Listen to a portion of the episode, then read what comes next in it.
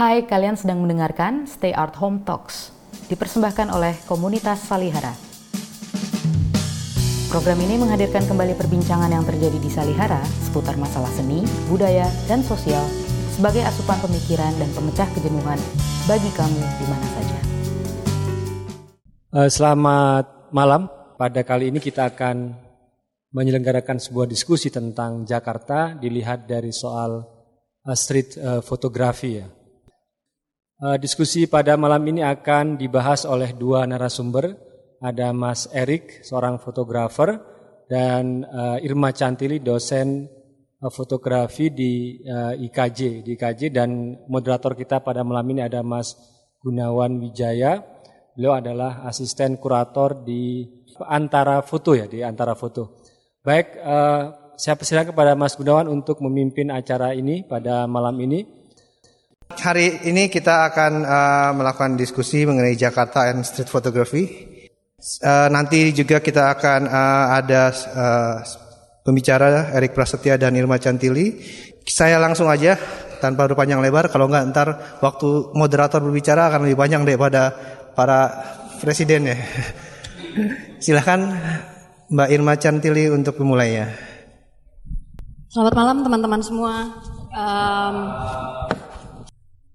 Um, sebelum sebelum mulai uh, apa menulis tentang uh, street photography, saya sama Mas Erik sudah berdiskusi bahwa uh, kami akan membagi tugas. Saya akan uh, sedikit menilik dari uh, sejarah fotografi um, dan Mas Erik akan melihat dari sisi estetis dan bagaimana fotografi jalanan di Indonesia diaplikasikan. Ini gambar yang diambil oleh Daguerre, uh, Louis Daguerre, salah satu uh, penemu fotografi. Uh, saya ingin merujuk dari asal kata street photography itu sendiri. Kalau street photography itu berarti fotografi jalanan yang berarti diambil di jalanan, maka sebetulnya foto ini bisa kita anggap sebagai street photography. Mungkin ada beberapa orang yang menganggap street photography adalah gaya dan pendekatan yang baru, padahal sebenarnya kalau kita melihat ke sejarah, ke gaya-gaya visual dan estetisnya, um, sebetulnya fotografi jalanan sudah ada dan dipraktikkan jauh sebelum uh, misalnya istilahnya muncul atau marak gitu. Nah, jika street photography berarti foto yang diambil di jalanan, um, atau seiring dengan perkembangan zaman di ruang-ruang publik, maka foto ini bisa dianggap sebagai salah satu hasil dari street photography. Um, ketika pertama kali ditemukan di tahun 1839, fotografi um, sudah menuai kontroversi, baik dari kalangan uh, fotografer sendiri, praktisi fotografi, atau dari orang-orang di luar uh, fotografi terutama para pelukis. Um, karena teknologi uh, teknologi kamera ini mampu merekam realitas dengan akurat dan dengan sangat cepat, jauh lebih cepat daripada lukisan, maka uh, posisi lukisan yang tadinya uh, selalu jadi uh, acuan visual tentang bagaimana kita uh, melihat dunia sekeliling kita dengan mudah bisa digantikan oleh fotografi. Yang paling sederhana mungkin kita bisa lihat contoh foto-foto perang. Ini adalah lukisan uh, yang menggambarkan tentang perang. Um, bahwa lukisan itu adalah subjektif uh, karena menggunakan um, tangan sang pelukis.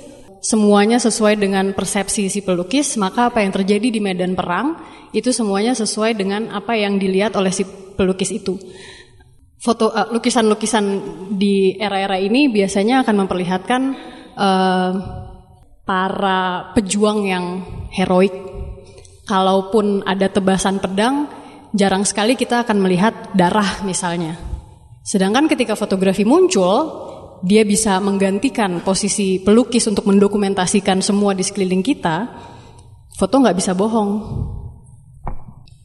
Ketika fotografi pertama-tama digunakan untuk mendokumentasikan perang, orang-orang banyak yang shock bahwa um, ternyata perang itu punya dampak yang sangat buruk terhadap um, masyarakat. Bahwa orang yang mati itu beneran mati, gitu, nggak sekedar seperti yang ada di lukisan. Setelah tadi agak melenceng ke masalah lukisan, Kebetulan tahun 2009 yang lalu saya pernah menulis tentang um, ada satu seniman uh, dan fotografer yang membuat proyek di Monas. Dia mendokumentasikan uh, para fotografer keliling dan um, memamerkan hasil-hasil hasil karya dari para fotografer keliling ini. Um, apa yang dilakukan oleh para fotografer keliling Monas ini yang sudah mulai berpraktik di Monas dari sekitar tahun 70-an sebetulnya bisa dibilang adalah awal mula pendekatan street photography. Karena menurut uh, Westerbeck, Colin Westerbeck, penulis uh, bystander, fotografer jalanan adalah orang-orang yang berada di ruang publik dan menawarkan jasa fotografi mereka kepada orang yang lalu lalang. Atau bisa juga mereka langsung motret gitu, terus nanti nyodorin nih, tadi saya motret kamu loh, gitu. Terus nanti dibayar. Nah, kalau pada penasaran bisa main ke Monas, saya rasa masih ada fotografer kelilingnya. Nah, um, kalau kita menoleh lagi ke belakang, kita akan bisa menemukan bahwa gaya fotografi jalanan, referensi visualnya berangkat dari lukisan. Uh, bahwa fotografi jalanan sudah dipraktikkan oleh para fotografer um, dan juga para pelukis um, sebelum adanya aturan-aturan atau perdebatan tentang apa sih street fotografi dewasa ini. Karya dari John Singer Sargent, dia pelukis keturunan Amerika yang berdiam di Florence, Italia. Karya-karya Sargent uh, banyak memperlihatkan kehidupan uh, masyarakat Venesia ketika itu. Settingnya juga di jalanan dan layaknya street photographer zaman sekarang, Sargent berkeliling kota uh, bertemu dengan penduduk lokal, berbincang dengan mereka, atau bahkan sekedar mengikuti untuk uh, mencari subjek lukisan yang menarik. Salah satu um, tokoh, bukan tokoh, um, salah satu orang di Italia yang sangat digemari oleh si Sargent pelukis kita ini. Um, dia melukis namanya Gigia, dia melukis Gigia dan beberapa temannya dengan komposisi yang terlihat um, cukup sederhana. Perlihat, perhatikan bagaimana Jijia tengah melangkah yang sebenarnya gesture ini juga sering dipakai oleh um, fotografer jalanan yang mungkin paling kita kenal, Brezong. Tapi jangan salah bahwa sebenarnya lukisan ini tidak sesederhana yang um, kita lihat.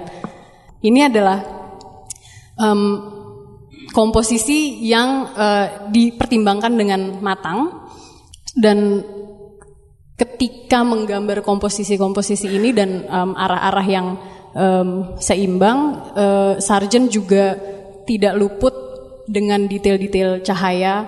Um, nah, paling tidak bisa kita lihat bahwa Brezong sangat suka untuk mengambil gambar-gambar yang puitis, dinamis, dengan komposisi yang seimbang, geometris, um, karena dulu dia um, melukis juga dan kita tahu bahwa Brezong itu akan melihat situasi, akan melihat sekelilingnya, menyiapkan kameranya lalu menunggu momen yang tepat. Jadi bisa agak diperkirakan bahwa ketika Brezong melihat ada empat macan, empat singa gitu, dan dia melihat itu adalah gambar yang menarik, lalu dia akan menunggu sampai tiba-tiba ada anak kecil yang lari, perempuan, lari dengan senang dan bahagia lalu difoto. Jadi kita seakan-akan melihat bahwa si anak kecil ini tengah menarik uh, atau memimpin uh, empat singa ke arah kanan.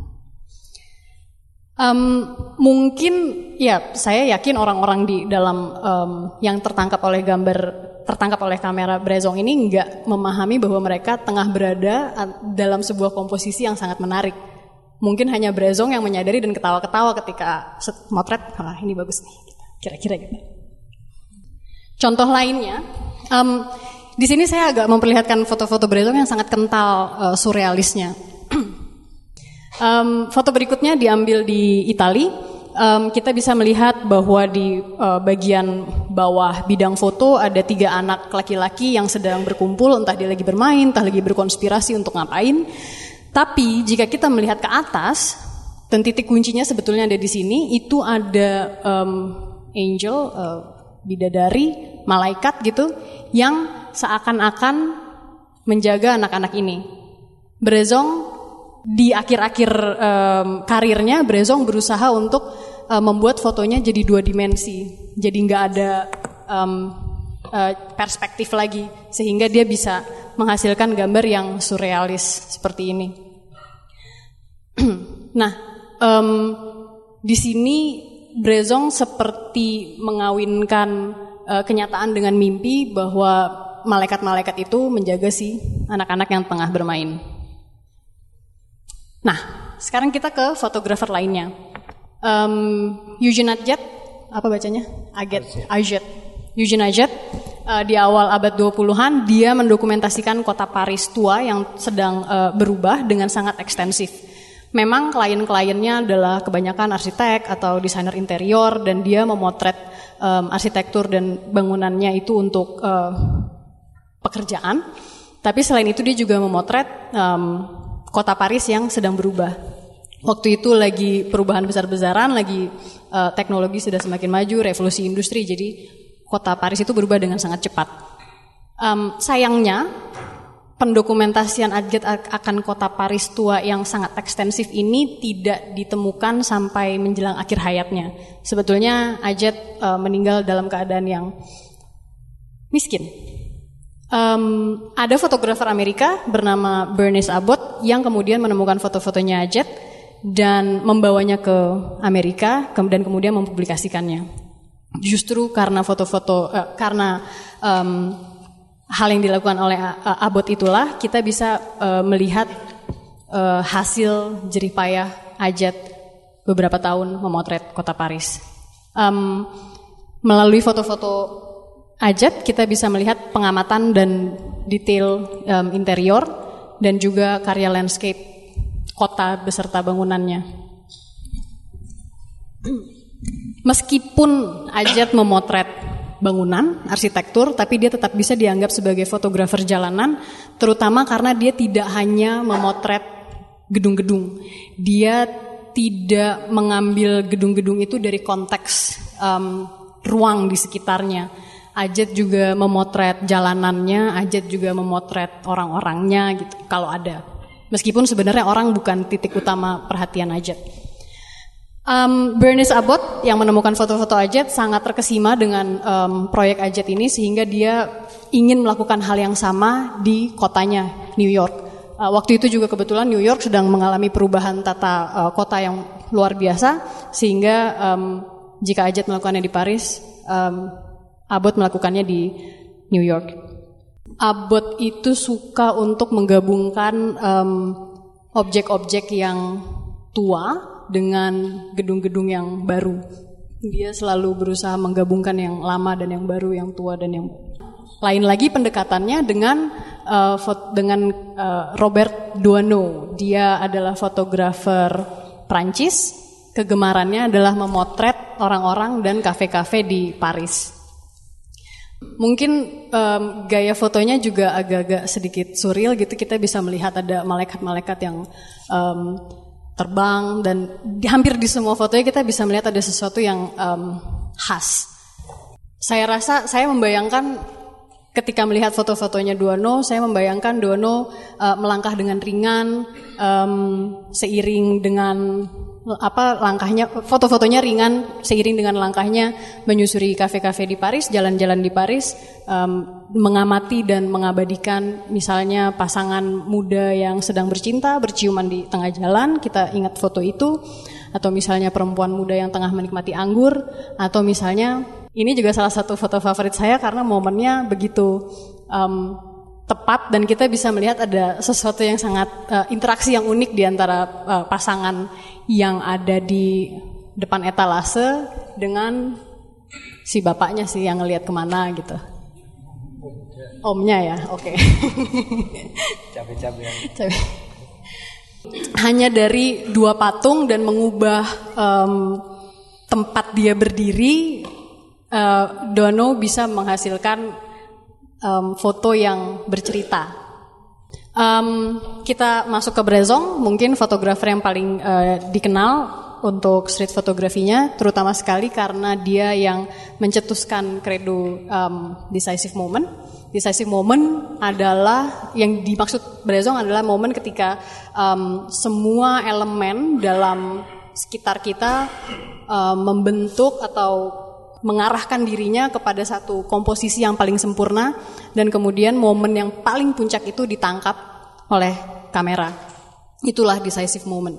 Um, namun selain itu karena Brezong lebih suka dianggap sebagai fotografer surrealis, dia juga sering kali uh, menghasilkan foto-foto yang seperti ini. Sama sekali tidak terlihat ada jarak um, foto ini benar-benar foto dua dimensi. Kita bisa melihat patung yang di depan ukurannya serupa dengan perempuan yang sedang berjalan.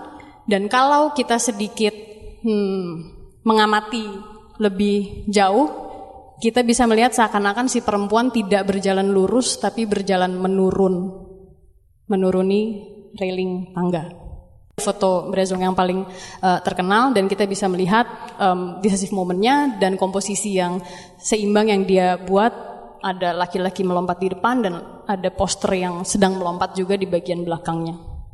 Tentu saja semua praktik fotografi tidak bisa dilepaskan dari kemajuan teknologi kamera. Um, tanpa kamera yang semakin kompak, tanpa film yang semakin peka akan cahaya, uh, foto-foto yang dihasilkan tidak akan menjadi seperti yang sekarang kita uh, akrapi. Misalnya saja Alexander Rodchenko dia dikenal karena uh, menghasilkan foto-foto dengan perspektif yang sangat berani. Um, sering kali uh, dia memotret dari atas, benar-benar turun ke bawah atau dari bawah ke atas. Dia berusaha mendekati objeknya se atau subjeknya sedekat mungkin um, supaya bisa menghasilkan uh, gambar yang mungkin awalnya agak sukar ditebak, seperti dicabut dari konteks um, aslinya. Rochenko bisa menjadi seperti ini karena dia juga punya pengalaman sebagai pematung dan pelukis dan desainer grafis.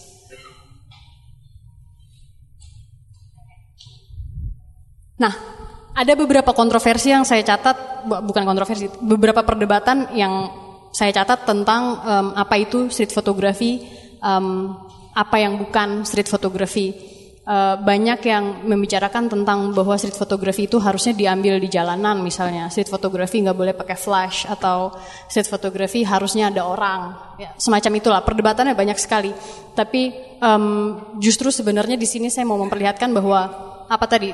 Uh, fotografi street photography nggak boleh pakai flash. Ini Diane Arbus motret menggunakan flash. Um, begitu juga begitu juga dengan Jacob Riis yang memotret kaum kumuh di New York, dia memotret menggunakan flash. Tentu saja harus karena dia memotret eh, kamar-kamar, uh, ruang-ruang yang gelap, nggak ada jendela, nggak ada pencahayaan dan um, sangat kumuh. Nah, lalu kita masuk ke bantahan terhadap decisive momennya Brezong um, oleh Robert Frank. Kalau menurut Brezong tadi ada satu momen puncak yang um, idealnya diambil oleh para fotografer, Robert Frank bilang nggak ada semua momen itu penting. Yang menunjukkan penting atau nggak pentingnya adalah saya sebagai fotografer. Ketika saya uh, apa namanya me, me, menekan tombol shutter, maka saya bilang itu momen paling penting, itu momen puncaknya. Kira-kira begitu. Fotografi jalanan juga dianggap uh, punya tujuan untuk mencari momen-momen yang tak terduga uh, di ruang publik, momen-momen yang acak di tengah komposisi yang tersusun rapih. Kira-kira menarik sekali untuk melihat perkembangan dari apa yang dianggap uh, praktik street photography dari yang dulu sampai yang sekarang. Semuanya semuanya uh, terjadi karena uh, perubah karena adanya perubahan situasi sosial, um, budaya, politik, perkembangan zaman, perkembangan teknologi dan sebagainya. Um, sebenarnya apa yang mau saya sampaikan intinya adalah bahwa definisi tentang um, apa itu street fotografi, apa yang bukan, selalu akan berkembang seiring dengan perkembangan zaman. Sama seperti misalnya fotografi dokumenter. Fotografi dokumenter tuh dulu ketika awal-awal ditemukan aturannya banyak banget. Misalnya nggak boleh pakai flash, nggak boleh ada yang diubah sedikit pun. Um, fotonya dicetak harus dengan um, bingkai hitam untuk menandakan bahwa semua yang ada di dalam bidang foto itu tidak ada yang diubah dan semuanya itu asli gitu. Tapi kan sekarang foto dokumenter nggak kayak gitu gitu. Foto dokumenter juga dulu um, semua foto yang dibuat pertama-tama dianggap foto dokumenter. Kemudian ketika muncul Perang Dunia Pertama, Perang Dunia Kedua dan um, situasi sosial politik yang yang kacau gitu, maka foto dokumenter dibebani uh, beban tambahan untuk menyuarakan opini uh, sosial dan politik. Tapi sekarang kita bisa lihat foto-foto dokumenter yang tidak lagi menceritakan narasi besar, justru narasi-narasi kecil gitu seperti karya-karya Nan Goldin gitu atau um, siapa namanya si Elinor Carucci misalnya. Nah, um, kira-kira begitu. Street photography pun begitu. Dari dulu sampai sekarang um, definisinya uh, bagaimana ia dipraktikkan dan bagaimana ia diterima oleh masyarakat akan selalu mengalami perubahan. Um, kira-kira begitu dulu dari saya. Terima kasih banyak. Ya, terima kasih.